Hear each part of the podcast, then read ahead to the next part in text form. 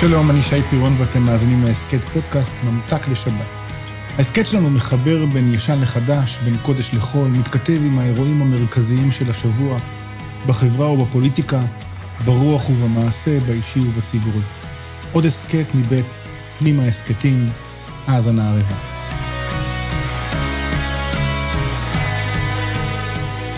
משעשעת אותי העובדה שיש מילים רבות שאני ובני שיחים משתמשים בהם בתדירות גבוהה, בזמן שרק לפני חמש או שש שנים בכלל לא הכרנו את המילה. זה מרתק מפני שזה מבהיר באופן מאוד עמוק את תפקידה של המילה. היא מגלה כלפי חוץ רעיונות ותחושות שנמצאות עמוק בפנים, ועתה הן באות לידי ביטוי. אנחנו מצליחים להמשיג אותן. אז הנה דוגמה למילה, למושג שלא מכבר לא הכרתי. פייק ניוז, או בשם העברי שלה, חדשות כזב. זו איננה מילה בעברית, אבל היא אומצה על ידינו, הנסיבות והרשתות החברתיות והמצב הפוליטי והניסיון לערער על עמדת הצד שכנגד, הובילו את, ה, את הפייק ניוז אל לב השיח. כך הוא חדר לחיינו. אחריו גם הגיעה הנדסת התודעה, עוד מילה שלא הכרנו. אתה מהנדס תודעה ואני אומר אמת. אתה מפיץ כתבים ואני נאמן למקור.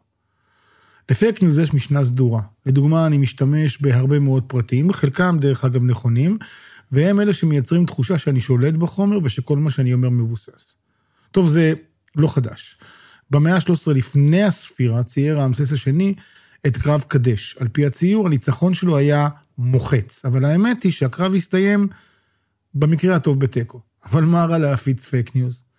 נעבור כמה מאות שנים קדימה, עלילות הדם, אתם מכירים, הסיפור ההזוי, כאילו יהודים משתמשים בדם ילדים נוצרים לצורך אפיית מצות. זה עוד סוג של פייק ניוז. אפשר גם להוסיף את הפרוטוקולים של זקני ציון, את עלילות הדם בז'יטומיר ב-1753, ועוד ועוד. היום יש המתייחסים לפייק ניוז כסוג של לוחמה פסיכולוגית. יש מדינות שמחזיקות יחידות לוחמה שתכליתן הפצה של ידיעות כזב. זהו כלי נשק חדשני המאפשר להשפיע על עמדות הצד שכנגד מבלי לראות אפילו ירייה אחת.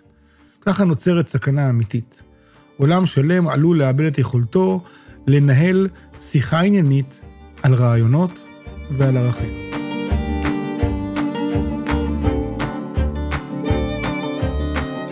בשתי פרשיות, פרשת וארא, אותה קראנו בשבת שעברה, ופרשת בו, בה אנו קוראים השבת, עולה וחוזר ועולה המושג הקשיית לב. ליבו של פרעה קשה עליו. הוא לא מוכן להתפשר, לוותר. הוא לא מאפשר לעצמו לשחרר את בני ישראל. מספר לעצמו סיפור, בחלק מהמקרים פרעה לא יודע במרכאות כפולות, שמי שגורם לו לאותה קשיות לב הוא האל. טוב, איך הפעולה של האל מתיישבת עם עקרון הבחירה החופשית? זו שאלה גדולה. נעסוק בה בפעם אחרת. רק נזכיר, בחמשת המכות הראשונות פרעה בחר בקשיות לב, בחמשת המכות האחרונות הקשה האל את לב פרעה. הרמב"ם בהלכות תשובה מבין שהקשיית הלב בחמשת הדיברות האחרונות היא עונש של האלוהים על הקשיית הלב של פרעה בחמשת המכות הראשונות. אבל כפי הנראה, גם הפעם התשובה מורכבת יותר. לפעמים אתה רואה מישהו מתעקש, אתה רואה שהוא עם הראש בקיר, שעוד שנייה הוא מתרסק לתוך עצמו. אין לך אף דרך להבין למה הוא הולך בדרך הזו. ואז אתה אומר לעצמך, בואנה תקשיב, זה לא בדרך הטבע, אני מכיר אותו, זה לא יכול להיות. אני משכנע שזה משהו, משהו, משהו כמו התערבות אלוהית, אחרת אני לא יכול להסביר את פשר ההתנהגות שלו. אז לא האל הקשה את לב פרעה, לפחות לא בפועל, אבל האנשים שהסתכלו מהצד לא הצליחו להסביר את ההתנהגות של המלך. הם ייחסו את העקשנות המופרזת של המלך למלך מלכי המלכים.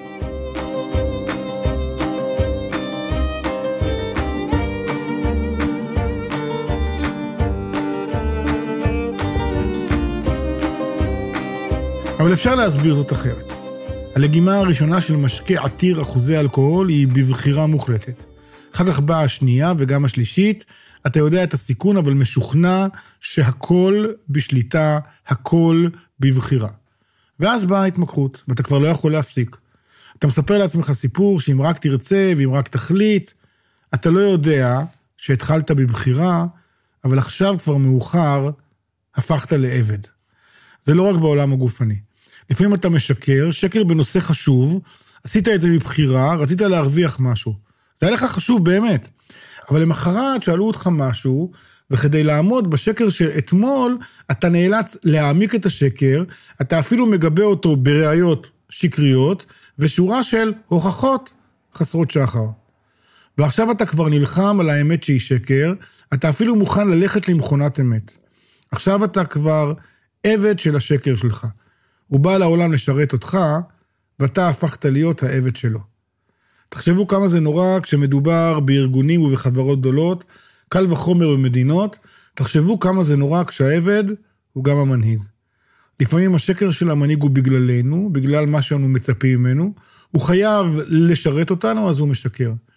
ולפעמים השקר בא כדי לבנות דמות ולספר סיפור שפשוט לא קיים.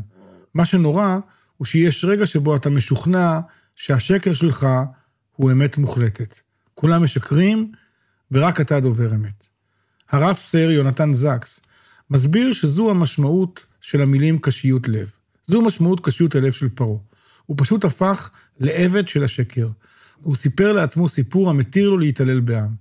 עכשיו הסיפור טפח, ויש לו ראיות ומחקרים וסיפורים על היהודים.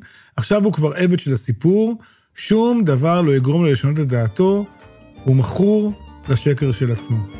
איזה מסכן.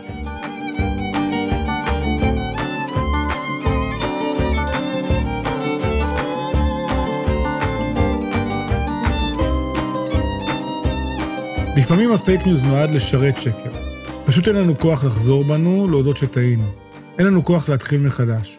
אנחנו מתחפכים, מפיצים שמועות, הוכחות טיפשיות, לעתים אפילו מרושעות. פסיכולוג ניל לוי פרסם מאמר שנקרא "החדשות הרעות על חדשות הכזב". אחד הממצאים המדאיגים היה שבגלל תופעה המכונה התמדה או אינרציה של אמונות, אפילו כאשר אנשים יודעים שידיעה מסוימת זכתה להכחשה מבוססת עובדות, הם ממשיכים פעמים רבות לצטט באוזני זולתם את הידיעה הכוזבת, כאשר היא מתארת אירועים מסוימים, משום שזה נוח להם, משום שזה ממש, זה ממש כמו התיאור של התורה אודות פרעה. הפכנו לעבדים של האמונות של עצמנו, ולפעמים גם של השקרים של עצמנו. עכשיו נעשה הכל כדי להוכיח אותם. אז רגע לפני שאתם או את, או אני, מעבירים איזו הודעת וואטסאפ, או פוסט שקיבלתם, רגע לפני שאתם משתכנעים מציוץ חד, רגע לפני שאתם, אנשים משכילים שכמותכם, שרים לעצמכם שיר ששרנו בילדותנו, פתי מאמין לאכול דבר, שאלו את עצמכם, למה זה קורה לכם? אולי גם אתם, כמו פרעה, סובלים לפעמים מקשיות לב. תם ולא נשלם, לך תעמוד פרק בעולם. אני אמצא לי אור קטן, אני אמצא תקווה קטנה באפלה. תודה שהאזנתם לעוד פרק של ממתק לשבת מבית פנימה. תודה לחברי המערכת אורי עפרוני וליאור טל שדה. תודה לדין כץ ריטוב על הביצוע הטכני, לאילי בוטנר וילדי החוץ על הרשות להשתמש בשיר הנפלא. תם ולא נשלם. שבת שלום.